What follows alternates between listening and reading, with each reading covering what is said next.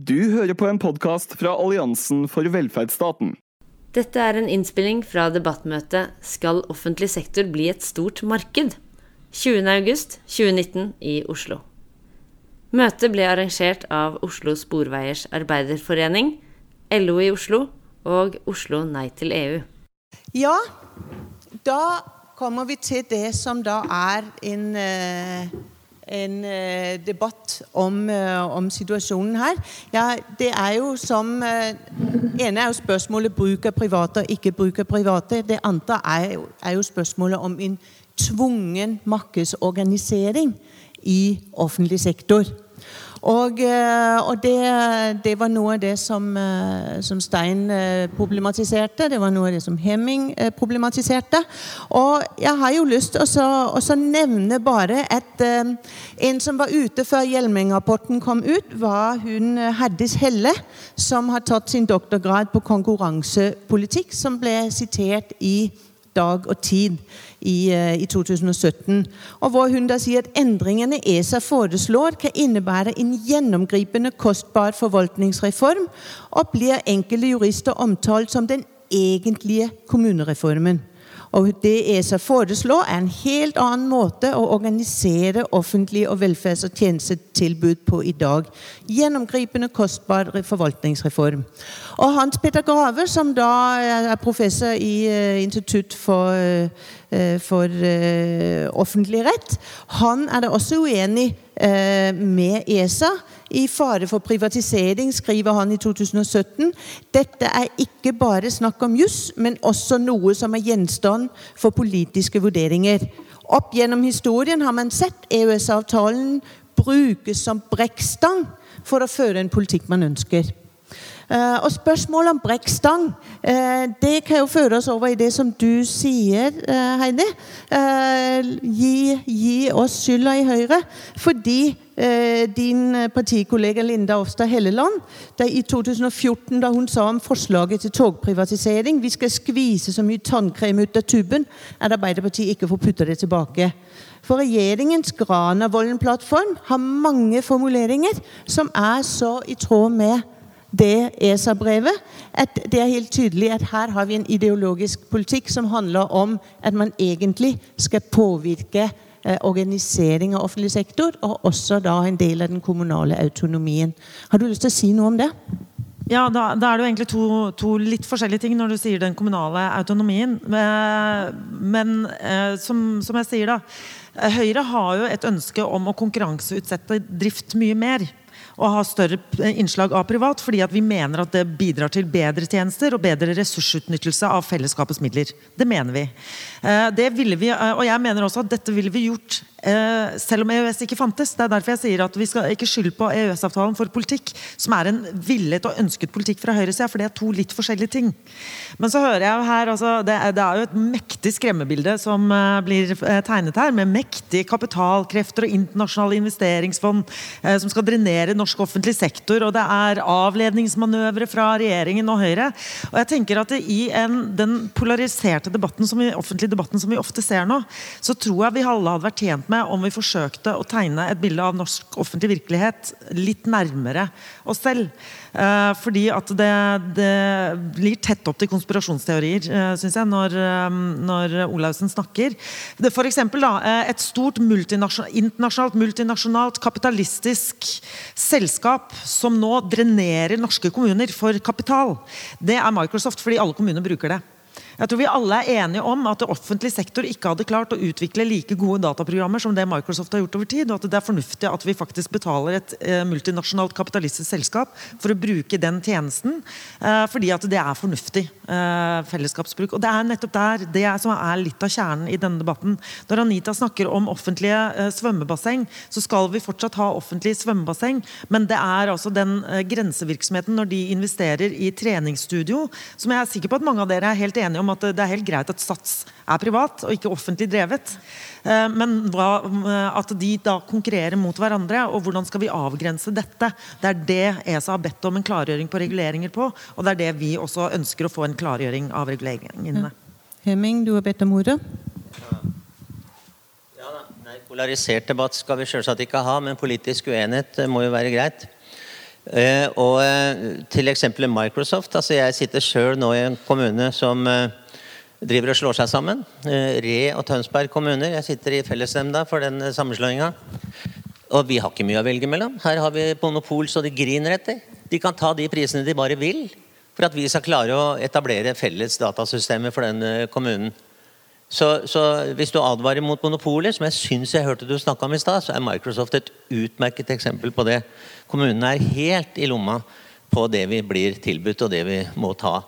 Eh, Men til eh, debatten om eh, privatisering av offentlig sektor kan vi jo gå litt nærmere her vi er nå, altså Oslo kommune. Nå er det jo dattera mi som tilfeldigvis styrer oppvekstetaten i, i Oslo kommune. Og har tatt fatt i dette her og avprivatiserer barnehager. Eh, hvor man altså har henta ut enorme gevinster. Eh, hvor eh, det offentlige først har gått ut med kjempestore, rimelige lån. Man har fått finansiert disse barnehagene sine opp til pipa. Man har drevet til dels med svært dårlige lønnsvilkår, arbeidsvilkår, pensjonsvilkår. Dette er jo avslørt fordi Oslo kommune er store nok til å gå disse barnehagekonsernene etter i sømmene. Mindre kommuner har ikke den muligheten. Eh, og dere prøver jo nå å lage et eh, lovverk som skal gjøre det vanskeligere å gå dem etter i sømmene. Eh, slik at jeg tror at dette snakket om hvor fantastisk det er med privat innsats, og at de bidrar til alt mulig som er bra her i livet, det har minst to sider. Jeg har ikke noen problemer med at kommunen og ideelle sammen kan drive både barnehagesektoren, eldreomsorgen og andre kjernevirksomheter i kommunene uten at det må være private kapitaleiere. De er små eller store, og særlig ikke de store. For her har vi oppkjøpsfonda som putter pengene sine i skatteparadiser og unndrar dem eh, det norske velferdssamfunnet. Ja, takk. Så nå har jeg lyst til bare sånn eh, Jeg tror du skal få ordet først, eh, Anita, nå. Men da har jeg lyst til samtidig å stille deg et spørsmål samtidig med at du responderer. Fordi i den rapporten som dere fikk fra Oslo Economics, så står det på side 82 For å oppnå potensialet for gevinster vil det også kreve ressurser og kompetanse til å utforme gode kontrakter, etterprøve eh, at bestilte kvaliteten blir levert, og følge opp leverandørene på andre måter. Eh, Og da er spørsmålet hva slags kostnader ligger det i det? Og skal våre lokale folkevalgte bare administrere et innkjøpskontor? Ja, altså det er det som er litt sånn vanskelig med denne eh, debatten her, for den er så innmari stor. Altså Det ene er dette med skal man i det hele tatt bruke private, og da er det ofte anskaffelser det er snakk om, altså innkjøp. Og da er det helt opplagt at kompetanse er mangelvare. Vi behandlet nettopp stortingsmeldingen om offentlige anskaffelser på Stortinget. Eh, og kompetanse det handler jo om mange ting. Det handler jo om hvordan stiller du miljøkrav. Eh, hvordan får du regler gode eh, altså Lærlinger, f.eks., som han har fått klausul på at det må man ha i de anskaffelsene som det er relevant. Hvordan gjør du det? Eh, og hvordan lager du gode funksjonelle krav, sånn at mange kan være med å konkurrere? At du liksom ikke utdefinerer det som kunne ha vært den beste løsningen fordi du har så teknisk detaljerte krav, at det som er den beste løsningen, aldri kommer på bordet. Så det er klart at du må ha kompetanse. Eh, og det krever noe investeringer, men det må vi ha i dagens situasjon også. Ikke bare pga. sånne harde 'vi skal tjene penger'-type krav, men også for mer sånn mykere samfunnsmessige hensyn, som også vi som arbeidsgiverorganisasjon stiller oss bak. Vi er også forplikta til å være med å redde verden. Våre virksomheter eh, snakker til oss daglig de, om hvordan skal vi på en måte forbedre våre forretningsmodeller for å bidra til bærekraft. Og det ser vi også i offentlige anskaffelser. Så, så det jeg tenker at det er helt sånn det er opplagt. Det må alle kommuner gjøre, helt uavhengig. Eh, og, men så er det så mange misforståelser her om det Hjelmeng-utvalget at jeg tror jeg skal la den diskusjonen ligge og så gå litt sånn til Hjelmeng. Fordi at noe av det som gjorde at vi som satt i flertallet pekte på Konkurransetilsynet, er jo at ja, man kan gå til Konkurransetilsynet i dag, men de avviser i stor utstrekning disse sakene. Eh, og da må du til Brussel. Og norske saksbehandlere rundt om i kommunene er i stor utstrekning prisgitt å tolke seg inn på EU-kommisjonsavgjørelser som går eh, på velferdssystem eh, eller andre system som er helt ulike våre egne. Sånn at de må da liksom gjette hvordan, Hvis du skal ha overføre noe fra et forsikringssystem i Tyskland, et skolesystem i Spania, og så skal du innføre noe i Sogn og Fjordane, hvordan i alle dager ville det være? Det var det jeg prøvde å adressere i det første innlegget mitt. At får man dette litt over i norske forhold, etter fem år, etter ti år, så vil du som saksbehandler i Finnmark kunne si at ok, for fire år siden så gjorde de det i Hedmark, og det var lov etter regelverket, eller det var ikke lov, så da bare gjør vi det sånn. Sånn som vi etter hvert har fått til på offentlige anskaffelser. og Det er det mener er så viktig, at vi må, vi må avmystifisere dette med statsstøtte. Og det statsstøtteregelverket går jo ikke bare på eh, offentlig kommersiell, som kanskje er liksom kjernen i det vi diskuterer her. Det går jo også på veldig mange frivillige organisasjoner. Det er veldig mange som sitter og sliter med å forstå det regelverket i dag. Og så en annen litt sånn der, Hva var det vi foreslo? Skal dette bli liksom den store forvaltningsreformen? Jeg syns det var ganske beskjedent det flertallet foreslo, egentlig. Det ene var at vi sa at hvis det først er drives kommersiell virksomhet, så bør man minst ha separate regnskap. Eller så kan det være en mulighet å utskille vi eh, sa etter mandatet begge deler. Altså vi, vi, måtte besvare både separate regnskap som én eh, mulighet, og utskilling som en annen mulighet. Og jeg tenker at dette med demokrati altså Heidi, du snakket jo litt om dette med kryssubsidiering. Jeg tenker at det med demokratiaspektet blir også litt sånn tapt. For at hvis du sitter som folkevalgt, eller for så vidt innbygger i din egen kommune, og ikke kan se pengestrømmene, hvordan kan du da egentlig gjøre deg opp en mening om at det er det kjempefornuftig at kommunen driver med den kommersielle aktiviteten, hvis den egentlig finansieres av velferdstjenestene som, uh, som du betaler skatt til. Altså sånn som dette sykehuseksempelet. De bruker jo penger som jeg tipper folk i den regionen tror skal gå til kjerneoppgaver innenfor sykehuset, til å bygge seg opp på, på, å levere tjenester som ikke er det som sykehuset i utgangspunktet skal drive med.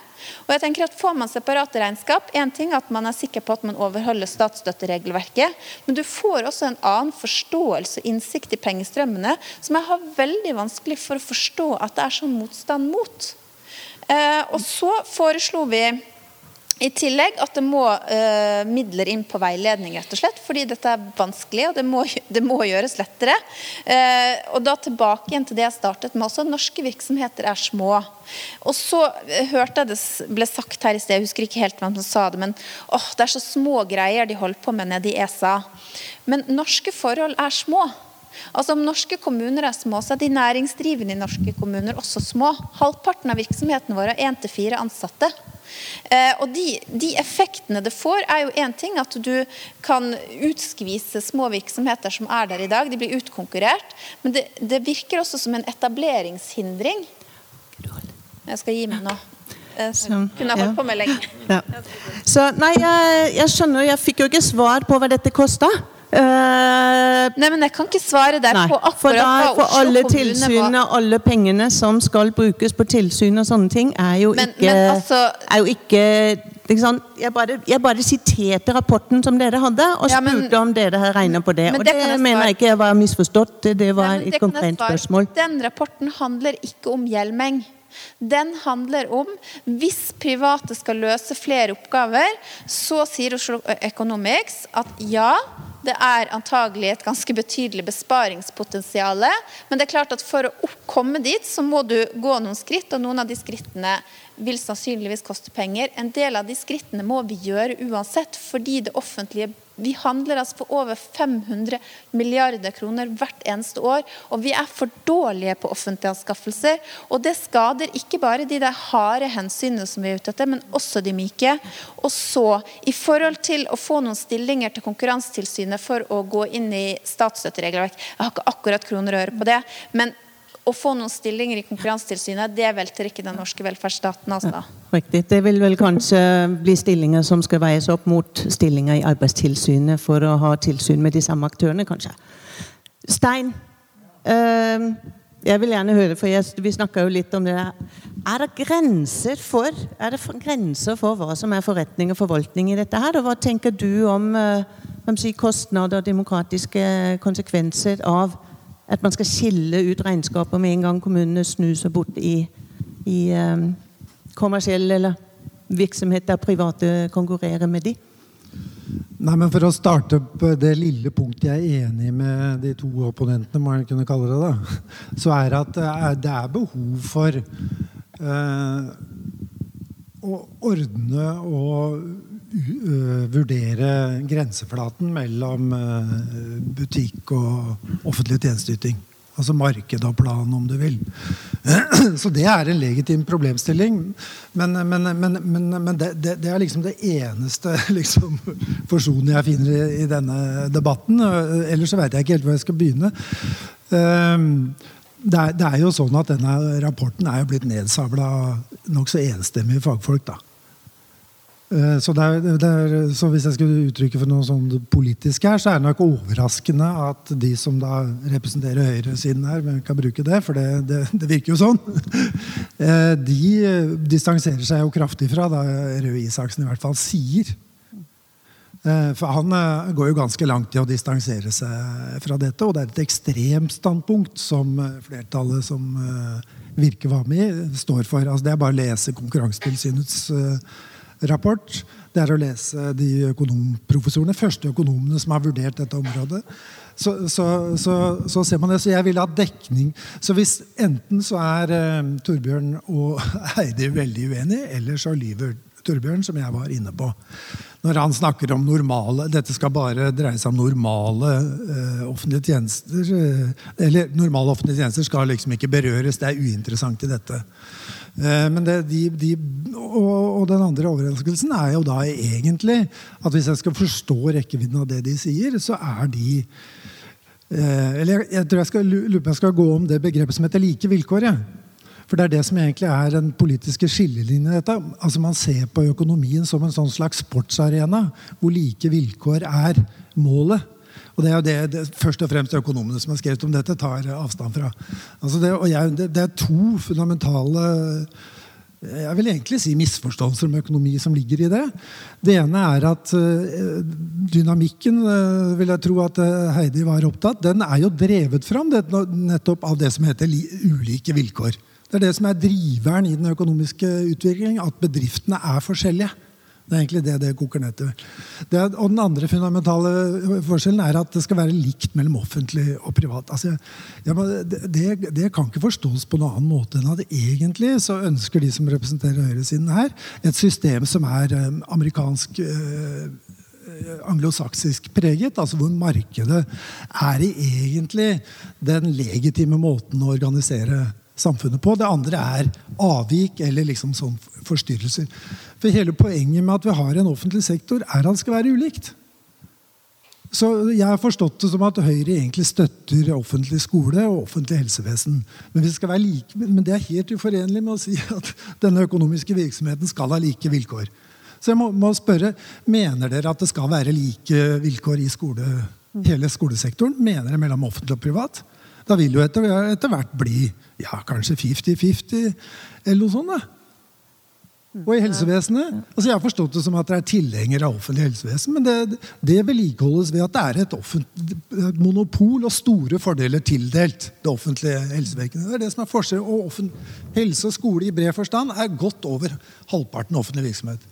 Og akkurat dette sleit jeg også med, med utvalget, med, sånn, takket være en antagelig uheldig sammensetning. Men etter etter min forstand helt forkvakla forståelse hvis man da ikke er tilhenger av en amerikansk samfunnsmodell. Da, da ser man på alt som eh, egentlig burde vært i markedet, Det burde vært bedrifter som drev med dette. Mm. Eh, så, og, og, og like, like, vilkår det ble jo aldri presisert, det er bare preik. Men det, men det er veldig forførende som slagord, for det høres jo så rettferdig og, fint ut. Men hele poenget er at det, det er helt klart flertall i Norge hele tiden for å gi kjempeulike vilkår for private skoler. De har kjempehandikap. Og det er tilsiktet. Sånn skal det være hvis vi skal ha en offentlig drevet skoleverk. Så, så det, det, tipset til dere da, er at dere kan, dere kan roe land dette med å si at det er noen enkeltområder hvor berøringsflatene mellom offentlig og, sektor, eh, og offentlig og privat er av en sånn, sånn karakter at det kan være hensiktsmessig. Men, det, men det, det, må veldig klart distanseres fra, fra, hele området. Og som Anita er inne på, det er veldig vanskelig å skille ut dette. Fordi at poenget er jo ikke bare det at eh, Jeg vil jo si at bading, og det er selve badinga det skal være forskjell på. altså Hvis Hjelmeng og ESA-logikken gikk gjennom, så skulle det være forskjell på billett, altså badegjestene etter hvem som betalte. Ikke sant? Om det var eh, svømmeklubben eller om det var skolen. Det er det som kom da fra publikum, som skulle inn i, i utskillingen. da, Og få skatt og og alt dette. Det er ikke tilleggstjenestene nødvendigvis. De er, kommer nok også i den kategorien, men det starter allerede med at brukerne er forskjellige.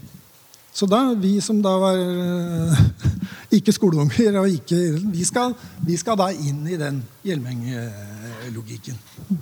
Hjelmeng-logikken. Skal, mm. Og når det gjelder vilkår ellers, så, så, så, er det jo veldig uklart på det. Men det, det, det så jeg utvalget her, og jeg, dette har jeg opplevd innenfra, da, men også av debatten, at de vilkårene man snakker om, det er bare de som skal gjøre det vanskeligere for offentlig. Altså Private har ingen restriksjoner på kryssubsidiering. Det er en helt naturlig del av deres virksomhet. Men kommunene, stakkars, skal ikke få lov til å drive med det. Og, det, og, Vi kunne gått inn med den at det var lønns- og arbeidsvilkår som vi skulle se på. som det var, skulle være like vilkår. Den største urettferdigheten i økonomien er jo antagelig de som slipper å følge normale vilkår eller jukse på skatten.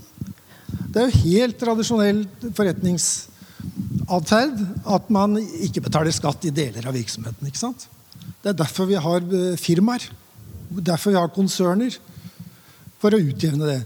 Men akkurat når det gjelder eh, offentlig virksomhet, ja, da skal du slå ned på akkurat den virksomheten. De skulle ikke ha den muligheten til å overføre. Og man kommer jo med et, et, forslag som heller aldri kommer til å bli noe av.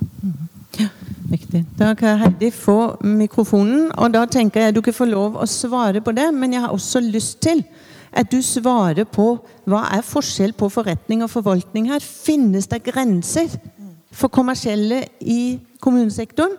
Eh, hva er grensene for myndighetsutøvelse? Hvordan definerer du det?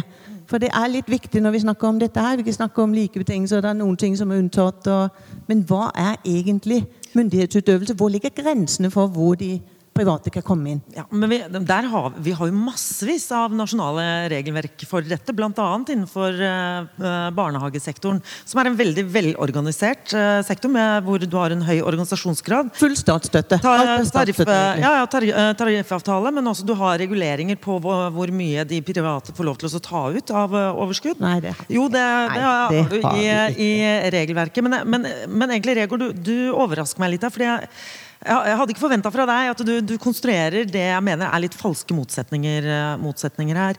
Det er eh, like vilkår. handler ikke om sykehusdriften til Østfold sykehus. fordi at der mener, altså Det er jo fullstatlig. Vi er helt enige om at dette er et statlig offentlig ansvar som eh, ikke berøres av dette. Det vi er, der vi ønsker at det skal være like vilkår ja. Der, der, vi mener at det skal være like vilkår, er jo når et offentlig sykehus begynner å selge bedriftshelsetjenester til privat privatmarkedet. Som også i dag er eh, hvor, hvor, private også gjør det. Og at man skal ha like vilkår der. Så, det, så der føler jeg at du er litt på å konstruere falske motsetninger. Når det gjelder kryssubsidiering, eh, at de private har lov til det, så er det jo interessant å se igjen på barnehagesektoren at eh, syv av ti barnehager går med overskudd. Og det er de barnehagene som også finansierer de tre av ti barnehager som ikke går med overskudd i privat sektor. Og det ser vi Det er en kryssubsidiering som man gjør, som er helt riktig som du sier, som gjøres i privat privat eh, sektor. Helt vanlig at man, eh, man gjør sånn. Men, er, men motsette, altså forskjellen er jo at private bedrifter ikke bare kan heve prisene til kundene sine og tvinge dem til å betale det uansett. Mens offentlig sektor kan jo da innføre eiendomsskatt eller øke skatter og avgifter nettopp for å finansiere en drift som, eh, som ikke er konkurranseutsatt. Så jeg, jeg bare til det, altså, for da sier du det er jo Myndighetsutøvelse er noe annet. Er det noen grenser for private hvor private ikke skal være?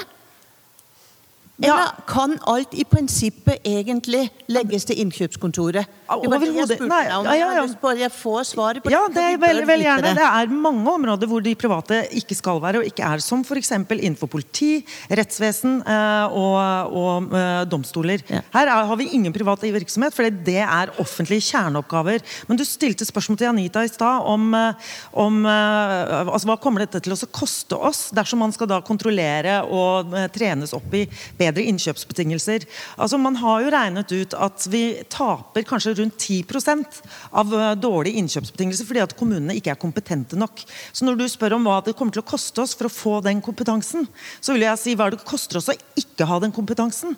Når vi kjøper inn for 500 milliarder i året, så betyr det jo at 50 milliarder eh, er misbruk av fellesskapets midler, og som kunne vært brukt på sykehus, skoler, lærere, på gode eh, og bedre offentlige oppgaver.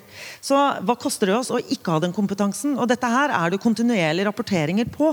Så, eh, så igjen, jeg syns ikke det har med ESA eller EØS å gjøre. Det har med norsk offentlig forvaltning å gjøre det, og bedre ledelse og styring både i kommunene og på statlig nivå. Og så, altså, hvis dere syns at Olemic Thommessen gjorde en glitrende innkjøpsjobb da han uh, begynte å kjøpe inn uh, til stortingsgarasjen, så kan man jo spørre seg hva Hvis vi hadde hatt folk i presidentskapet på Stortinget med privat uh, erfaring og innkjøpskompetanse, så hadde kanskje den saken sett helt annerledes ut. Så hva koster det oss å ikke ha den kompetansen? Det er spørsmålet vi burde stille oss.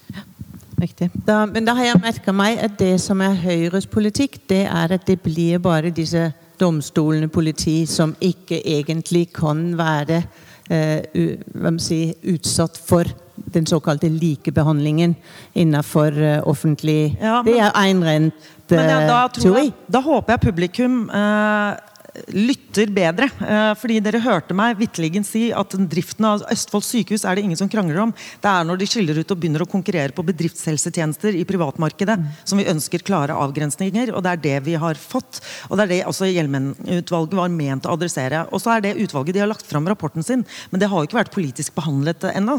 Så innstillingen er nå én sak, men hvordan det kommer til å se ut når det eh, endelig skal behandles, er noe annet. Og der har vi ikke kommet ennå. Ja, Hemming? Så kommer jeg til nå etter hvert å åpne opp hvis dere har lyst til å stille spørsmål. Sånn. Jeg ber dere komme opp hit, så vi får det med i podkasten. Så skal dere få lov å snakke på, uh, på mikrofonen her. Så gjerne registrer dere hvis dere vil ha et uh, spørsmål eller et innlegg. Hemming? Ja, altså først kanskje komme med en overraskende tilnærming. og Det gjelder uh, Sykehuset Østfold, som jeg vet fryktelig lite om. Men hvis jeg tar i for god fisk at de driver og konkurrerer på markedet på bedriftshelsetjenester, så tenker jeg at eh, det, det syns jeg ikke er noe offentlig kjernevirksomhet. Eh, og så tenker jeg at det er en konsekvens av foretaksmodellen og finansieringsordninga for sykehusene. Hvor båndlinja blir så viktig. Du må skaffe inn de inntektene eh, for å forbedre resultatet ditt. Et system vi ikke hadde før vi fikk inn foretaksmodellen. Så jeg tror det er på en måte å bite seg sjøl i halen når man innfører den typen prinsipper i offentlig sektor. Dette med at Olemic Thommessen skulle hatt noen private til å hjelpe seg med stortingsgarasjen eller med uh, anbudet. Uh, ja da, men det finnes nok av, offentlige folk som holder på med akkurat det samme hele tida i Norge rundt i alle kommuner. Dyktige folk som klarer å gjøre innkjøp jeg tror det var heller eh, utslag av Olemic Thommessen enn av systemfeil. Men hele si poenget der er jo nettopp det at man sammenligner kommune for kommune og ser at hvis vi hadde drevet uh, alle kommuner som den best drevne i Norge, og det må jo være et mål, så hadde man altså klart oss å spare de midlene som man kunne reinvestert i mer og bedre offentlige tjenester. Det er ikke overbevist om. Ikke overbevist om, men jeg er veldig overbevist om at Olemic Thommessen var feil mann på feil sted.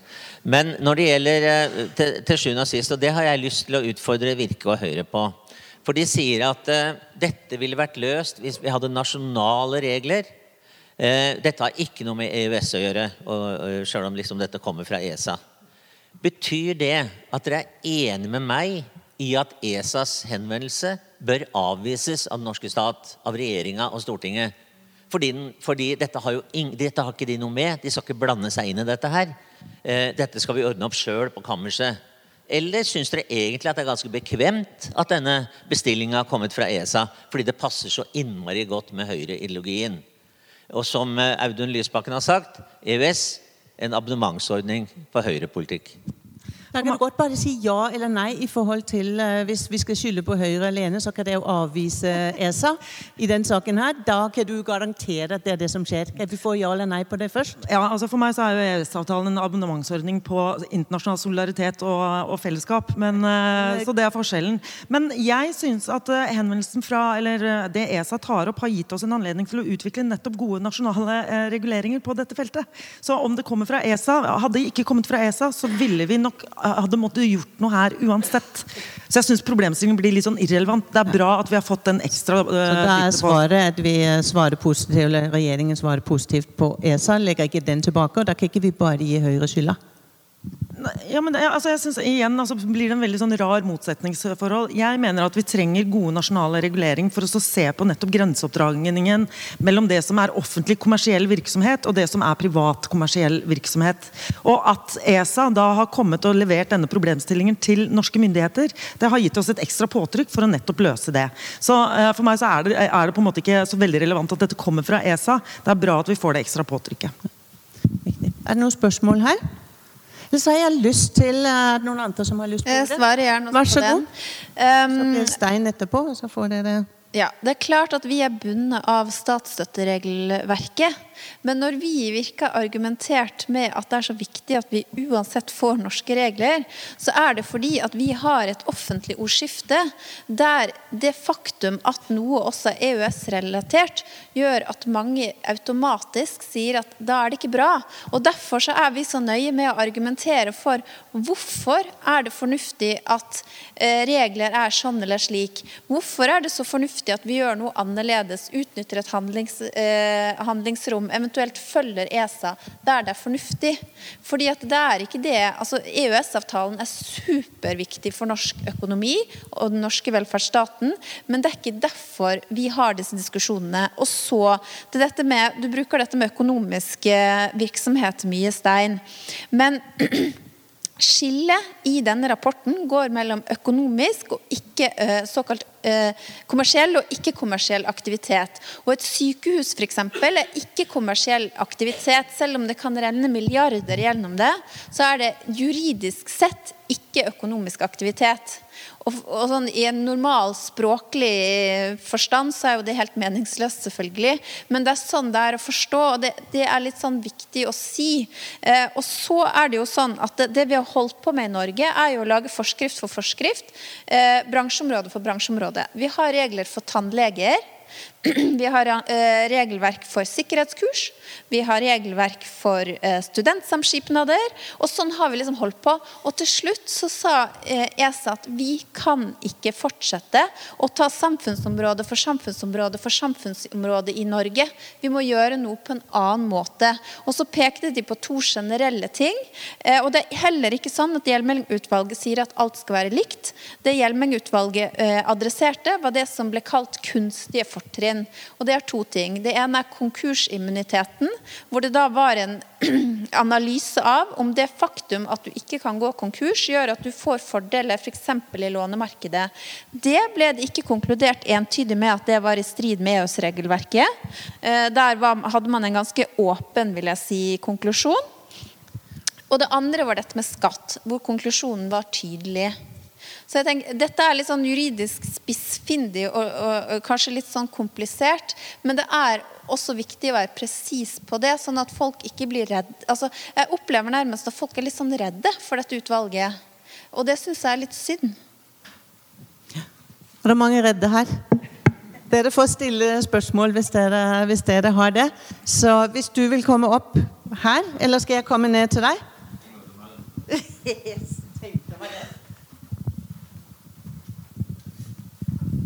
Jeg heter Per Øyvind Nilsen og kommer fra Oslo Nei til EU, fylkeslaget. Og jeg må jo si at eh, det er nesten befriende at Hemming og Clarksen deltar i denne debatten. For det, altså han har jo Nå er det jo sett med mine øyne, selvfølgelig, da, men han har jo så mange gode poenger. Og et av poengene er jo at dette med at Høyre, eh, her representert ved Heidi Nordby Lunde, bidrar til å tilsløre, eller forsøke å tilsløre, EØS-debatten.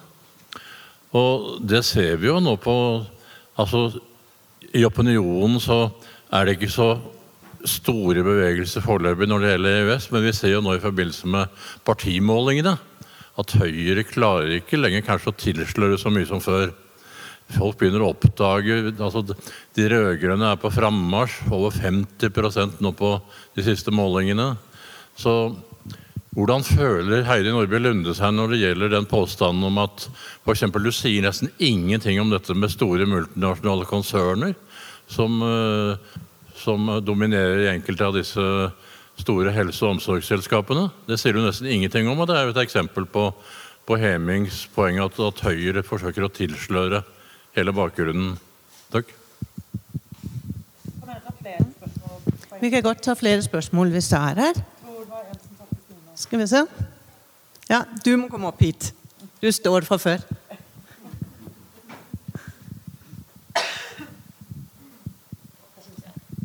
Takk. Jan Steinholt, eh, Nei til EU.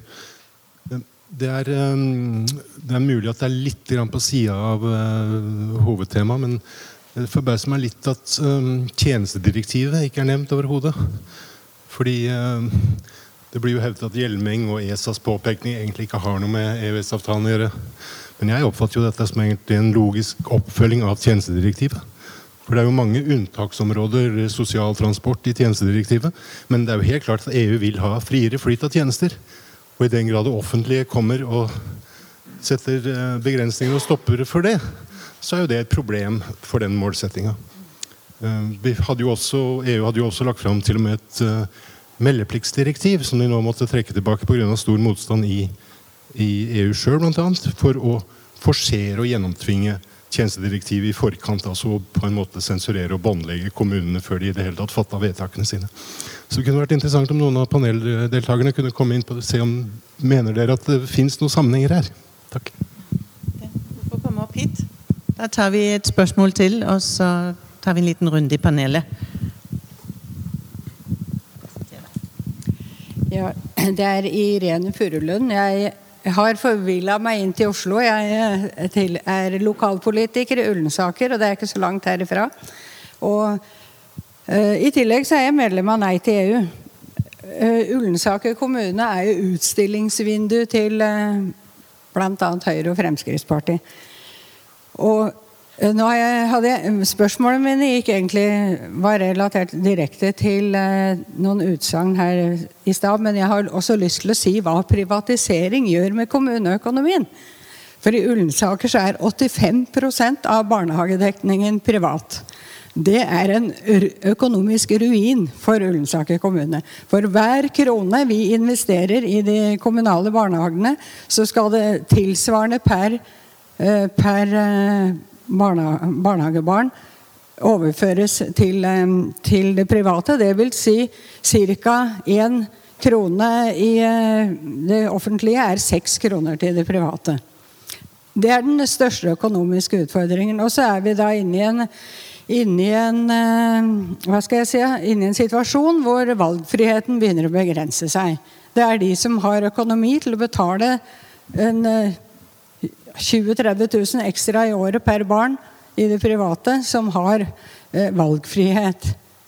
Eh, nok om det. Men eh, jeg, hadde et, jeg hadde egentlig med ett spørsmål, men jeg har lyst til å starte med å spørre Når Heidi Nordby Lunde sier at det private velferdstjenester som skal finansieres av det offentlige, offentlige hvem som betaler for det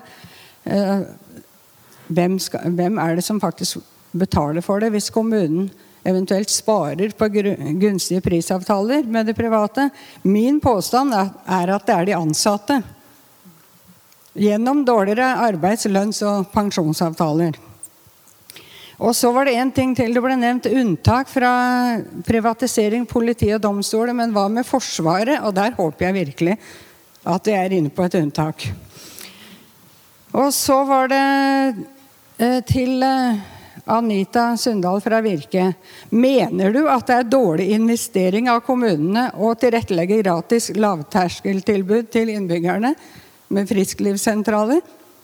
Det, de som ikke finner seg til rette på et treningsstudio i all jeg kaller det offentlighet, selv om det er privat, og de som ikke har økonomi til det. For hvis kommunen også skal finansiere den private aktiviteten, så er vi tilbake igjen til det jeg nettopp snakka om om eh, lønns-, arbeids- og pensjonsvilkår for de ansatte. For dette handler om folkehelse, økonomi og valgfrihet. Takk. Ja, da har vi hatt uh, tre innlegg. Skal vi ta en liten runde på det? Hvem vil snakke først her? Ja, Stein? Det er litt valgkamp og sånn, så det er jo meningen det skal være litt politikk. Det andre som jeg syns var interessant, det er jo at både Heidi og og Anita Snakk inn i er er mikrofonen, Stein. ærlige, ærlige på at man, man gjerne benytter EØS til å fremme høyrepolitikk. Eh, det er ikke til noe særlig bra hjelp for eh, oss som eh, jobber for EØS-avtalen. Jeg mener vi er kjempeheldige som har den.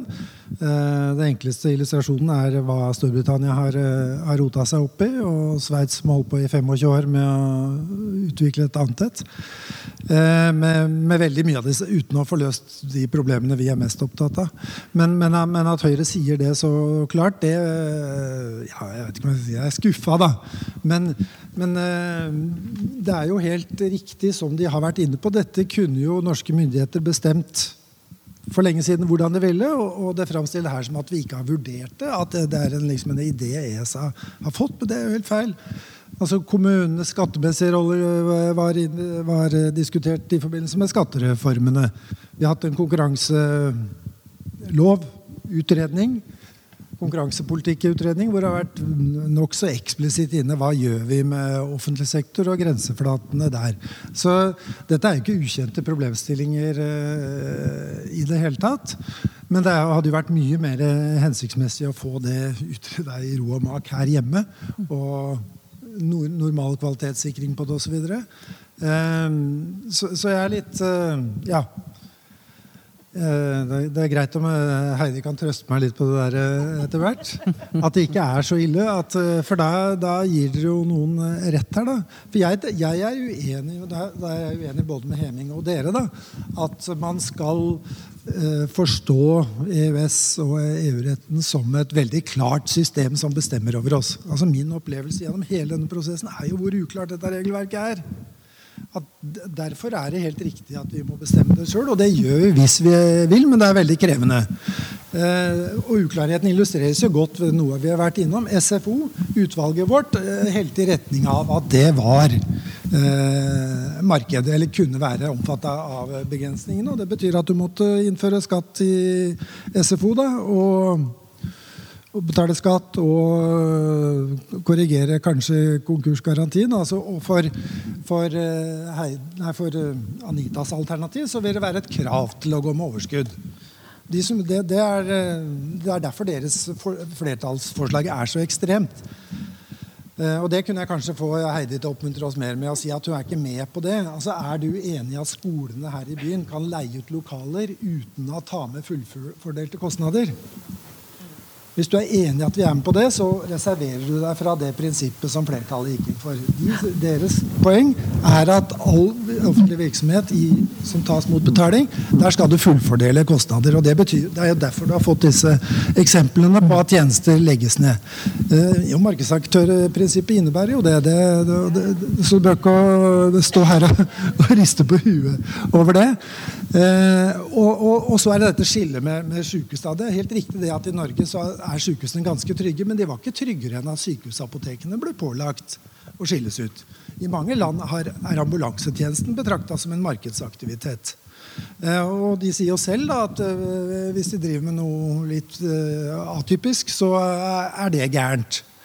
Eh, og eh, kjøkkenet deres er, også vært under eh, etterforskning eller granskning. Så hvis du drar den langt nok, så hjelper det ikke så mye å si at nei, ja, helsesektoren er skjerma. Hvis du tar en bit for bit og plager dem med denne logikken og befolker dem med den kulturen som vi jo har ment å unngå ved å ha det i offentlig regi.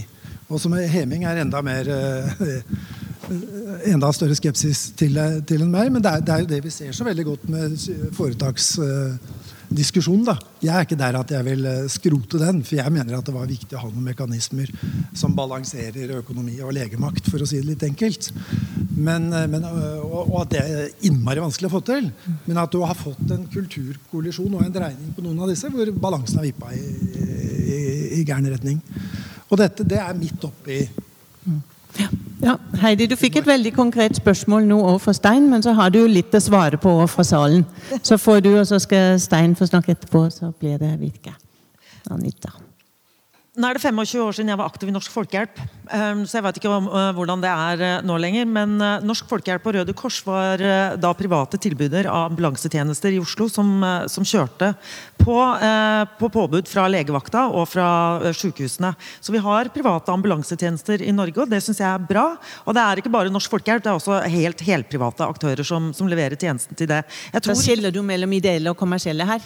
Eh, nei, jeg sier at det er begge deler. Eh, altså når du kommer ut i Kommune-Norge, så er det veldig mange eh, helprivate som leverer ambulansetjenester. Men jeg tror for pasienten så spiller det ingen rolle hvem som kjører deg, bare du kommer fort fram og har tilbudet i, i bilen. Og det er jo det vi skal, skal huske på når du tok det, det eksempelet. Um, når det gjelder, når det gjelder ja, Når det gjelder da utleie av lokaler, som f.eks. at en skole kan leie ut for, eh, um, idrettshallen sin på, på, kveldstid, så er jo nettopp det en av de problemstillingene som man ønsket en grenseoppdragning på. Nå er jo ikke dette her politisk behandla, uh, så, vi, så en vet ikke hvor vi kommer til å lande der. Så vi har sett på, på anbefalingene. Men når, når, dere tar opp da tjenestedirektivet, som uh, Var det Jan Steinholt eller noe sånt? Noe, jeg husker ikke hva det het. Uh, tjenestedirektivet, at vi ikke har diskutert det. Så, om dette er påvirket av hva ESA har kommet med, så, vil, så sier jeg som Gro Harlem Brundtland alt henger sammen med alt. Men det er klart at eh, det er ikke eh, verken et ønske om å tilsløre EØS-debatten eh, når vi sier at det ESA her har kommet med, har gitt oss et pådytt på et arbeid som jeg mener at regjeringa burde ha gjort uansett. Det er et ønske fra min side, så vi bruker ikke EØS som en brekkstang for å innføre ny politikk. Men her er de en pådriver for å få uh, klare grense, uh, grensedragninger som burde ha vært gjort uh, uansett. Når det gjelder Ullensaker kommune og, um, og, barnehager, så for foreldrene så har vi jo innført makspris i barnehagene. Vi har også innført, Denne regjeringen har også innført gratis kjernetid i barnehagen for lavinntektsfamilier. Og det skal ikke være forskjell på det tilbudet uavhengig av hvor mye penger du har som forelder. Var, nå var det jo ikke det hun sa. Hun sa at hvis, betaler, hvis kommunen vil betale for å oppgradere egne, så må de betale like mye til de andre, selv om de stor, løper med store overskudd. Men det jo, eh, Dette her er jo en av de, eh, de, poengene som jeg har. Eh, og det er jo at Vi burde stille et spørsmål til forskjellen på offentlige og private tjenester. Og gjerne innenfor helse og omsorg. Mm. Fordi Når vi ser at de private konsekvent kommer litt bedre ut på nesten alt av målinger, og samtidig tar ut overskudd, samtidig som de offentlige kommer litt dårlige Det er fortsatt bra tjenester, altså, i veldig stor utstrekning kommer litt dårligere ut, men bruker hele summen sin på driften. Hvorfor klarer de ikke da å konkurrere på kvalitet og innhold eh, med de private? Det syns jeg vi burde være flinkere til å stille spørsmål om. Alle som er opptatt av velferdsstaten, finansiering og bruk av fellesskapets midler. Og der syns jeg venstresida av og til svikter. fordi at jeg synes at eh, hadde Den beste vaksinen som jeg sa, mot konkurranseutsetting er jo en veldrevet offentlig sektor, uansett hvor man er hen. Ja. Nå hadde vi et utspill fra en som har jobbet i Norlandia barnehage i Oslo i Klassekampen i går. Uh, og så har vi en sak av Ledi Stendi som snart kommer for, opp for, for, dom i retten. Det blir jo spennende å se, for det er jo noen grunner til at dette her kan gå overskudd. Og det har vi jo sett underveis. Men jeg tror, Heming, du, hadde, du ba om ordet, og du har nå sittet veldig disiplinert og ikke Ja, der har du også SV, vet du. Ja da, Vi venter på tur, vi. Pent og pyntelig. Høflig er vi jo. Godt oppdratt. Kommer fra et, eh, fra et uh, veloppdragent hjem fra Oslo øst. Nei, altså Regård er veldig skuffa over Høyre her, fordi Høyre er så ærlige. De vil nettopp bruke ESA som en brekkstang. De vil ikke avvise, være med på å si at uh, den henvendelsen legger vi i skuffen. Tvert imot. Her er det viktige prinsipper som griper inn i den norske debatten, som handler om etter salamiprinsippet bit for bit å privatisere offentlig sektor. Det er det det handler om. Denne hyllinga av private jeg, Noen husker vel kanskje at vi hadde et rengjøringsselskap i Oslo som het Veireno. Privat. Nå har kommunen tatt tilbake drifta av, av søpla.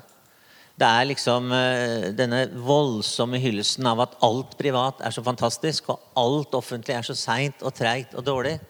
Det, det, det, står ikke til truende. Uh, når det gjelder SFO, eh, så var det altså dette utvalget med Per Anders Bjørang i spissen, kaller jeg det, tidligere konkurransedirektør i ESA, som sa at dette kommer til å berøre SFO, og prisen kommer til å bli tre ganger så høy. Jeg eh, er ikke ofte Jeg har veldig stor tiltro til ESA.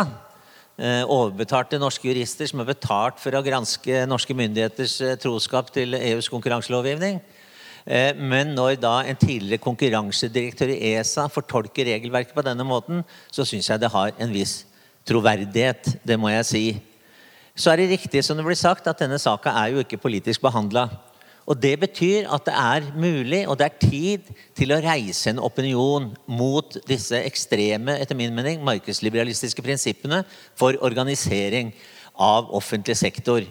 Vi står foran en stor utfordring fra høyresida.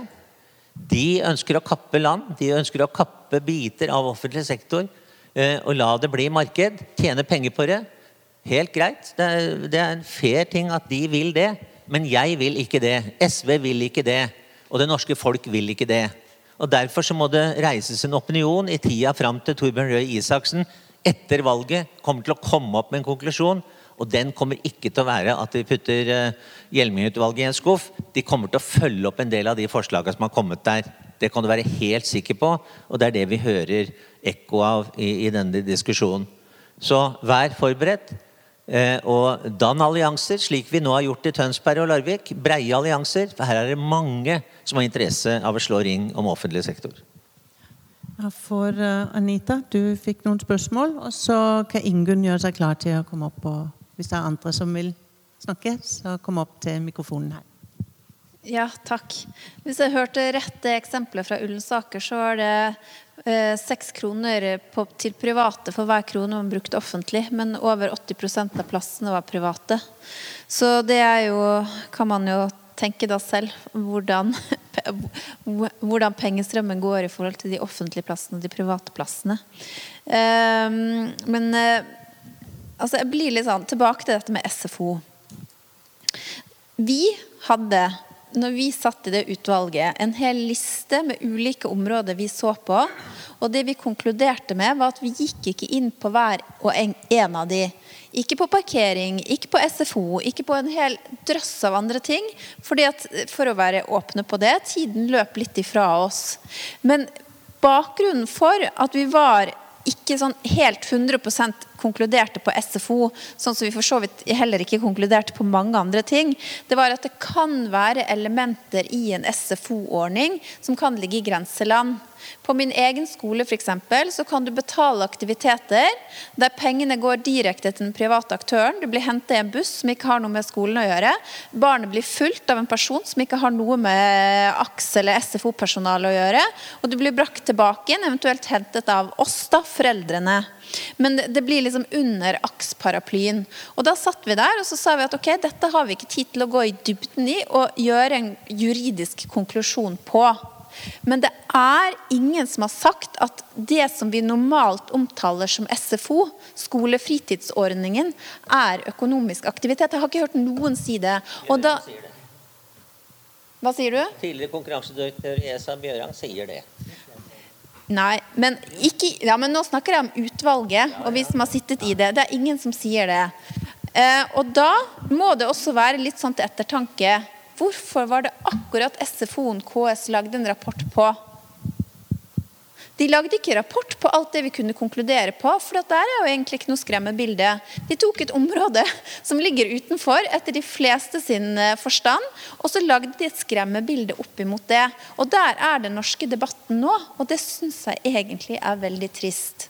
Og så fikk jeg et spørsmål om uh, disse frist, altså trening. Det er klart at har, Den uh, Oslo Economics regnet på, var jo ikke at man skulle ta bort et tilbud. Det skal fremdeles være et gratis treningstilbud for de som trenger det. Men det de regnet på var kan det tilbudet gis av private. Det var med å huske på at det er ikke noe forskjell på det du får på en såkalt frisklivssentral og det du kan få på et treningssenter. Det er akkurat samme tjeneste. Bortsett fra et kommersielt formål. Tjenestene Formålet er vel egentlig folkehelse. Det er jo derfor man bruker offentlige penger på det. ja. Ingunn? Jeg heter Ingunn Gjerstad, jeg er leder for LO i Oslo. Vi er jo litt aktive i valgkampen nå. Jeg vet ikke om dere har sett de eh, brosjyrene vi har delt ut som heter 'Velg side'. Men i ei av, av de artiklene som vi har valgt å, å, ta opp der, så er jo det dette med renovasjonsetaten. Om den eh, tilbaketakingen eh, som vi gjorde eh, med det by, byrådet som vi har hatt i Oslo noen år nå.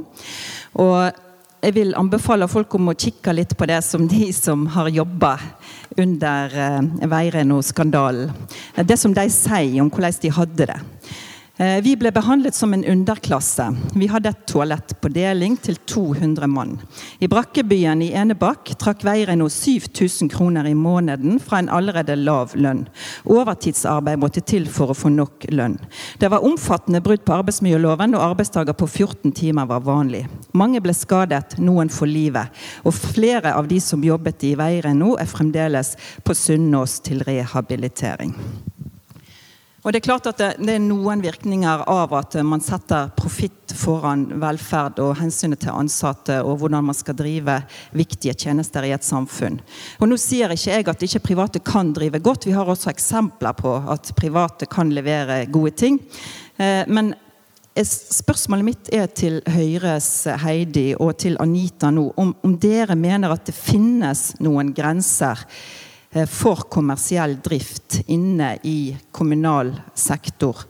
Eh, og i forhold, altså Er det noen sånne oppgaver som dere mener skal være drevet av det offentlige, fordi at det er naturlig å ta det vekk fra sånn profittankegang? For dette har jo vært en sånn eh, skille mellom oss i arbeiderbevegelsen og høyresida helt ifra vi begynte å organisere oss i arbeiderbevegelsen, har det stått eh, kamper om disse tingene. Så det hadde vært greit for oss å vite dere, om dere ser noen sånne grenser, dere. Vi har ikke flere som har tegna seg til spørsmål her, så da kan Heidi og Anita få lov å svare. Så har Stein bedt om ordet.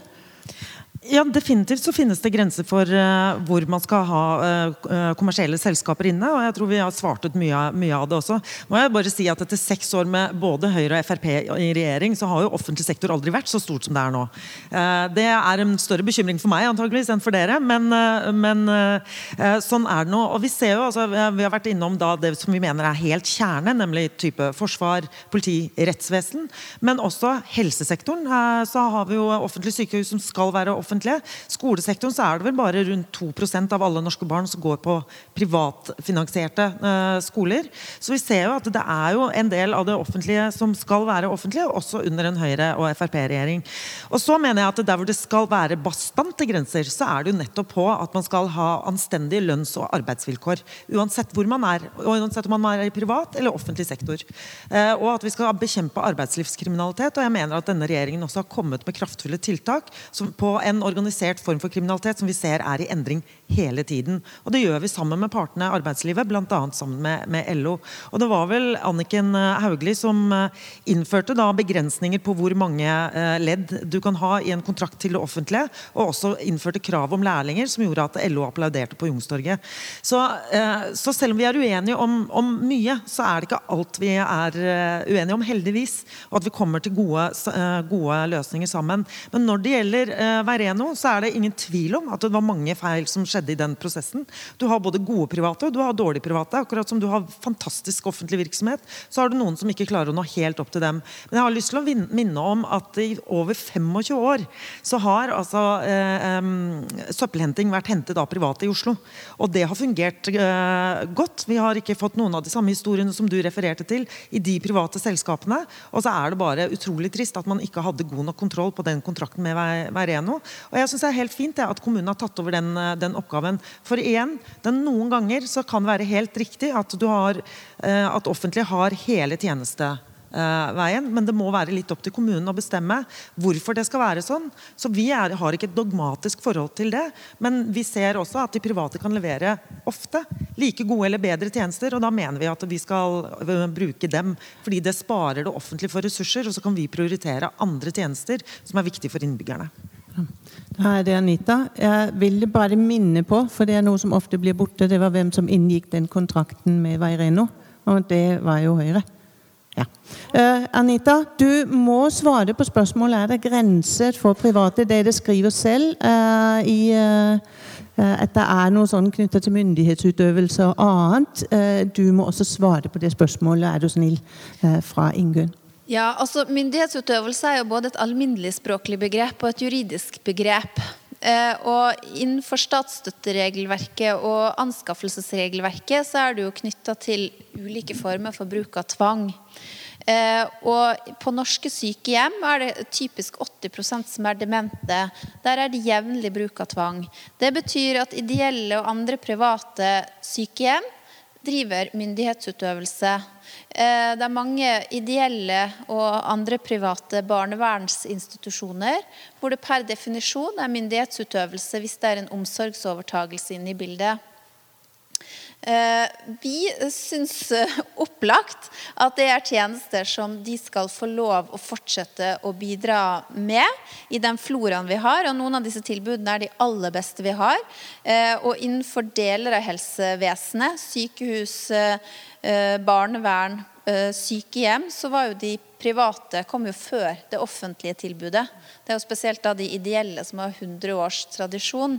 Så, så det er nå det. Men det som Oslo Economics skrev, det var ikke Virk som skrev, men det som Oslo Economics skrev, når de skulle prøve å litt sånn eh, synliggjøre, da, kategorisere og gi litt sånn kunnskapsgrunnlag, eh, så var det at omtrent 25% av de utgiftene, eller den offentlige økonomien, da, går til såkalt myndighetsutøvelse. Og så sa de og det kan jeg vel egentlig være enig i, at typisk så vil det være sånn at klassisk myndighetsutøvelse ikke er det opplagte stedet å gå hvis du tenker deg at det private skal vokse.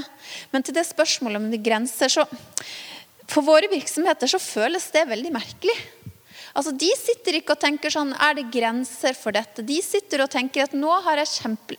Tenk deg en dame på min alder da, i hjemkommunen min Vanylven som sitter og tenker at åh, det hadde vært kjempegøy å starte et uh, lite bakeri. Så kunne jeg levert litt til Coop-en, og så kanskje kunne jeg drevet litt catering, og så hadde jeg fått med en inntekt. Og så sitter hun og regner på, og så ser hun mm, på kommunehuset så driver de med dette. Men de kan drive med det eh, på helt andre vilkår enn det jeg kan. Og så lar hun det være. Altså, det er på en måte de historiene vi får inn. Og jeg tenker at Det der perspektivet altså, det er nyttige, og Som jurist så blir jeg lett liksom, dratt inn i de der diskusjonene. Hva slags teoretiske grenser skal du ha? Det vi er opptatt av, at vi får et praktikabelt regelverk, og at disse kunstige fortrinnene blir borte.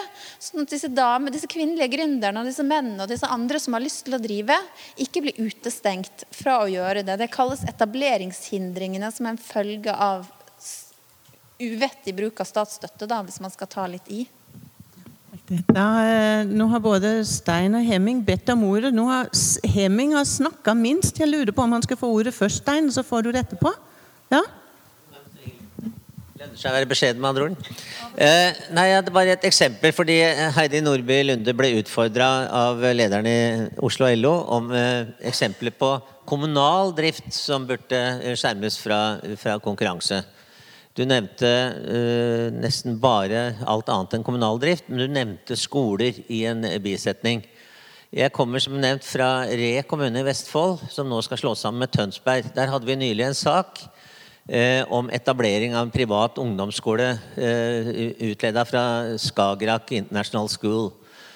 Eh, og Typisk nok så var det altså Høyre og Fremskrittspartiet og det vi i, i Tønsberg kaller Miljøpartiet De Blå, Eh, fordi de er i en forpliktende samarbeidsavtale med Høyre og Fremskrittspartiet. Holdt dem med makta i fire år.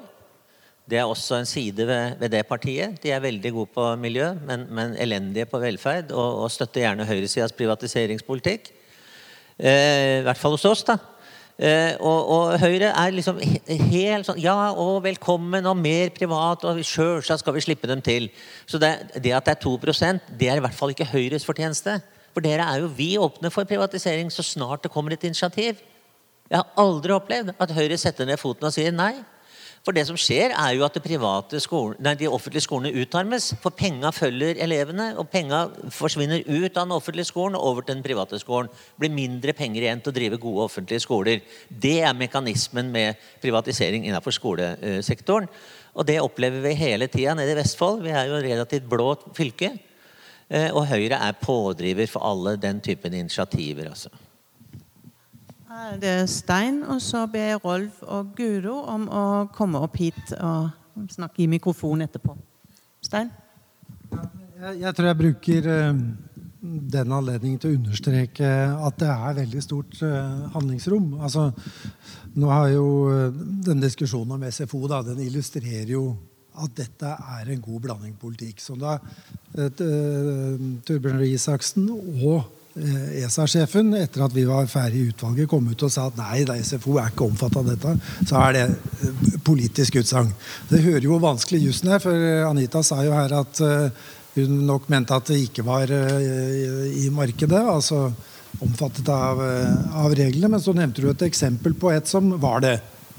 Så dere skjønner at dette ikke er lett. Derfor er det så viktig å stå på at minst mulig bør bestemmes gjennom et sånt regelverk som er så krevende, og som først og fremst De er jo satt opp for å ta seg av store saker som vi har virkning på tvers av landegrensene.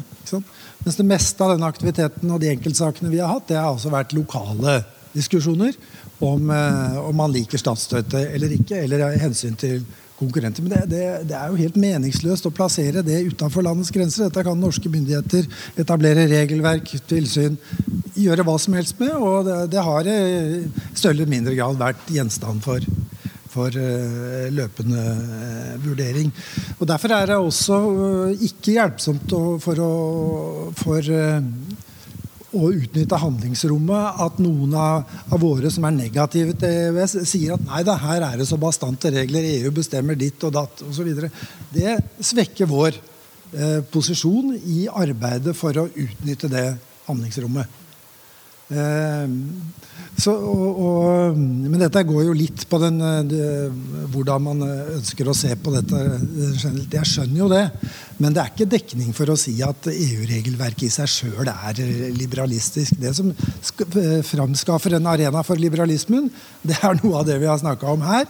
Og det er når man skal skjøte sammen den grensekryssende aktiviteten. Der har det skjedd noen sånne glipper, og som jeg har sagt, de har vært på, på, arbeid, særlig i forbindelse med utleievirksomheten, fordi det defineres som tjeneste.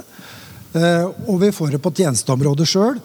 Og bare for å svare på hans spørsmål om, om, tjenestedirektivet, det er en del av den samme logikken.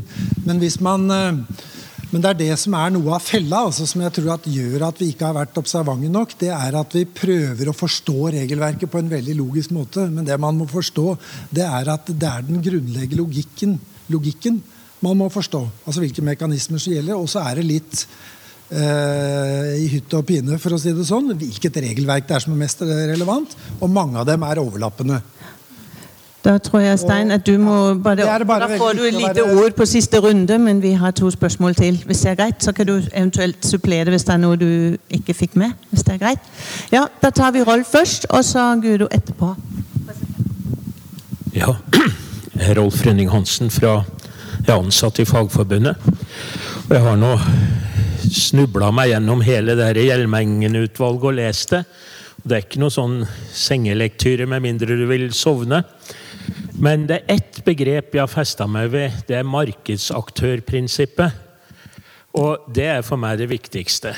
At da faktisk skal en kommune, som kanskje skal leie ut et lokale på kveldstid, oppføre seg som en markedsaktør og regne inn renter og avskrivninger osv. Og, og jeg oppfatter jo at eh, dere vil ha likebehandling mellom private og offentlige. Og da må jo sjølsagt kommunen regne inn det her. Men resultatet er jo at det blir mye, mye dyrere. Altså et skolelokale, et annet lokale som har vært utleid for en symbolsk sum, vil da plutselig koste veldig mye. Og hvem rammer det? Det rammer jo først og fremst frivillige organisasjoner med dårlig økonomi osv. Du, du angriper på en måte frivilligheten i Norge ved å gjøre det her. Og når det gjelder svømmebasseng osv. Du angriper de som har dårlig råd. For det er ikke noe poeng at det skal bli dyrere. Tvert imot. Og så sier Høyre at uh, private tjenester er ok, men sjølsagt må du da ha gode, likelydende lønns- og arbeidsvilkår. Hvorfor i alle dager slåss vi da for pensjon i private bedrifter? Vi får ikke gjennomslag. Hvorfor i all verden får private barnehager 1 milliard kroner mer i eh, tilskudd til pensjonsutgifter enn det de bruker? Er det for å plassere pengene i skatteparadis, eller hvor er det? Altså, jeg har i mange, mange år jobba i det offentlige og vært konkurranseutsatt. Og hva er det de konkurrerer på? Det er prisen på arbeidskrafta. Det er tariffavtaler, forskjellige tariffavtaler. Eller kanskje vi konkurrerer med noen som ikke har tariffavtaler. Men hvor har støtta vært fra Høyre når vi krevde like vilkår? At vi, vi skulle konkurrere, offentlig og privat, at vi skulle ha like vilkår. Den har aldri vært der. Så det her er tomme ord fra Høyre.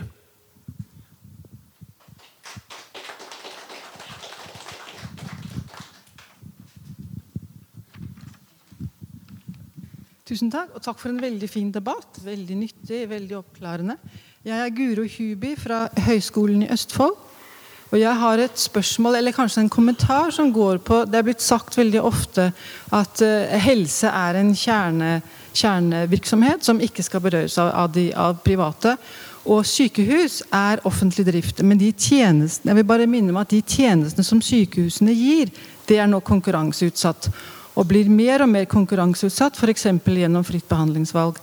Og det som Da skjer at de betaler, da skal, det skal da være like, like, vilkår mellom private og offentlige, men det som skjer at de private tar de letteste pasientene, de enkleste pasientene, og overlater de tunge kronikerne um, og de eldre til, uh, til, til offentlige tjenester, som da får tyngre oppgaver med mindre ressurser. Og så eh, er det Nå eh, står det også i, eh, i, i ordningen med fritt behandlingsvalg står det at det skal, det skal ikke, det skal ikke eh, erstatte offentlige tjenester. Det skal innføre en viss grad av konkurranse, slik at de offentlige skjerper seg. Eh, det er veldig vanskelig å gjøre det når eh, og, og, det er vanskelig for det, for det offentlige å bli effektive fordi vilkårene ikke er like. For de har tyngre pasienter, tyngre oppgaver med mindre penger. Og um, Skottland nevnes ofte som et eksempel hvor de har greid å motstå privatisering av helse og en viss grad velferd. Og det har de gjort fordi at de har et helhetlig eh, helsesystem med veldig gode ordninger, frivillige ordninger med kommunene, slik at de kan ha et helhetlig system som jobber sammen, innovativt, for å, å balansere um, profitt og, og, interessene til spesialisthelsetjenesten og kommuneøkonomi som strever med de tyngre oppgavene. Um, hvis du har noen kommentar til det. Da har ikke jeg flere på, uh, på lista her. Jeg tenker at jeg vil gi dere halvannet minutt hver, så rekker vi å bli ferdig til klokka tre. og du skulle gå, Heidi. Og så, og så er det jo bare én ting som jeg har lyst til å si som på tampen, for nå har vi diskutert om den markedsaktørprinsippet hele veien. Og den tida jeg har jobbet med hvor mye marked kan det offentlige drive, så er det jo få år siden, to år siden, at EU faktisk sa at det offentlige det kan drive med 20 hvis man tenker den utvidet egenregi. Da kan du drive marked, og så lenge du gjør det, så er det et helt enkelt begrep hvor det ligger mye politisk handlingsrom innafor. Og da mener jeg at da, da er jo Hjelming typisk en, en sånn, en sånn uh, Hva heter det? Et sånt ønskelig press fra Høyre, da.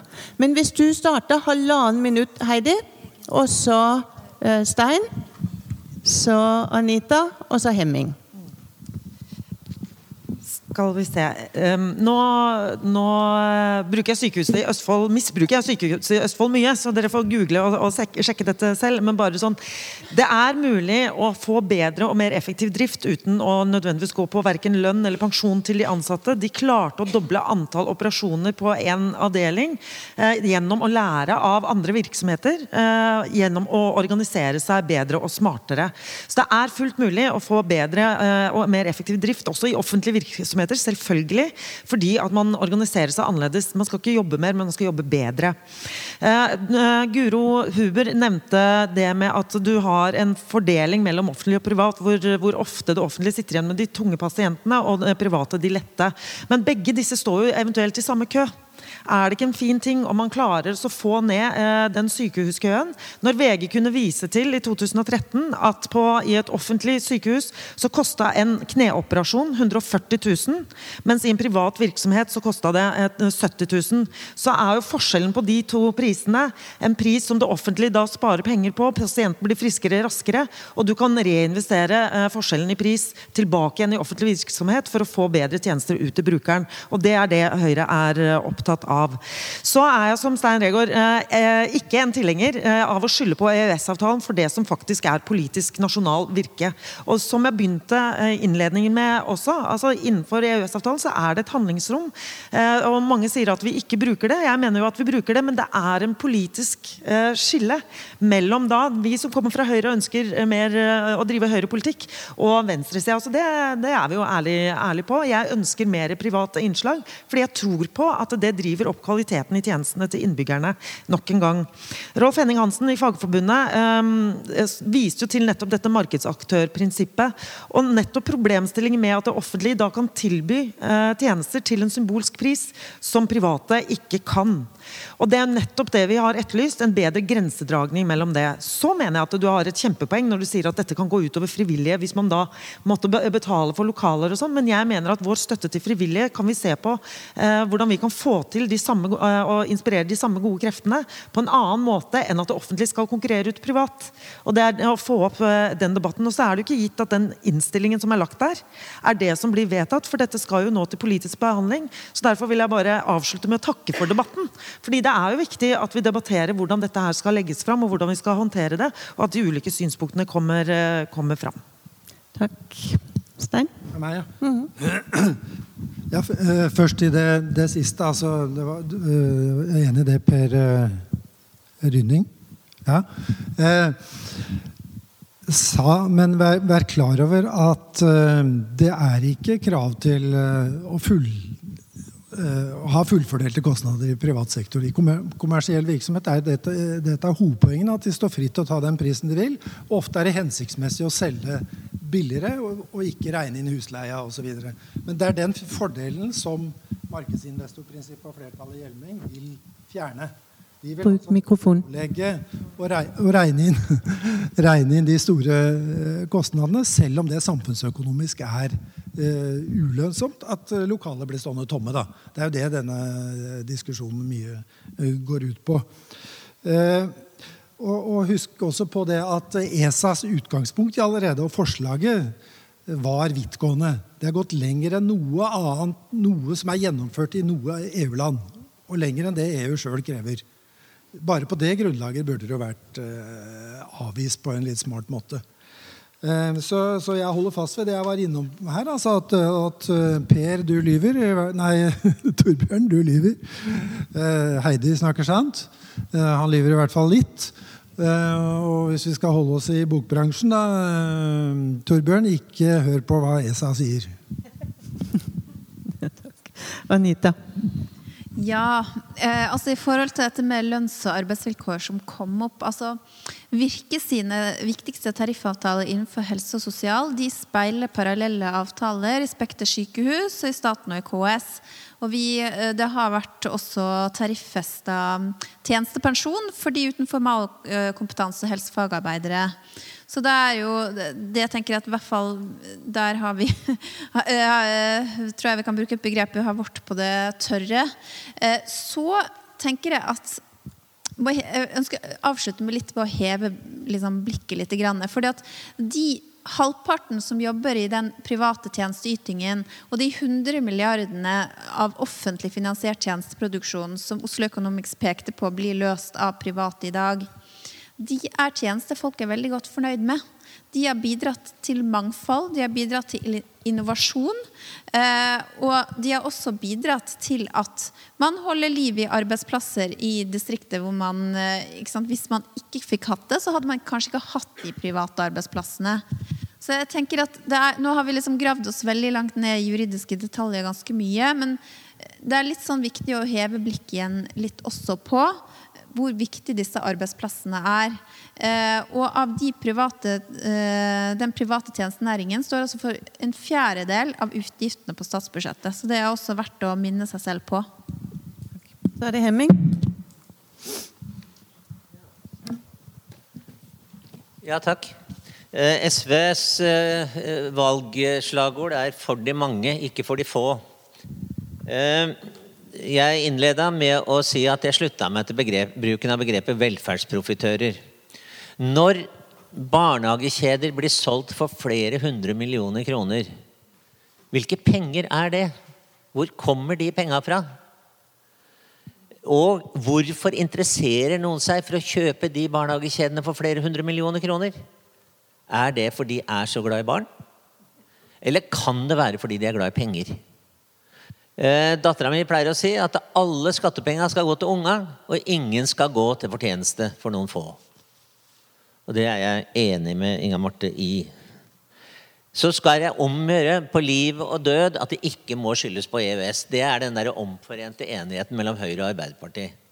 Det må ikke ha noe med EØS å gjøre, for da risikerer de at EØS-avtalen kommer i et kritisk lys, ikke minst nå inn mot uh, Fellesforbundets landsmøte. Det er det strategiske grepet. Høyre er villig til å legge huet på blokka og si det er vi som har skylda. Det er vi som vil privatisere. Det har ingenting med EU å gjøre. Men, men når, vi, når, de blir utfordra, ja, vil dere da avvise ESAs henvisning? Vil dere si at dette skal ikke dere noe med? Dette skal vi ordne opp i sjøl? Nei, da vil de støtte allikevel eh, henvisninga fra EU via ESA. Så det blir litt hult, det blir litt halvt, og det holder ikke vann. Så eh, vær beredt. Dette kommer etter valget. Eh, Sjølsagt beleilig nok. En eller annen gang til høsten eller til vinteren så kommer Torbjørn Røe Isaksen til å bestemme seg for eh, hvilket nivå av Hjelmeng-utvalget han vil legge seg på.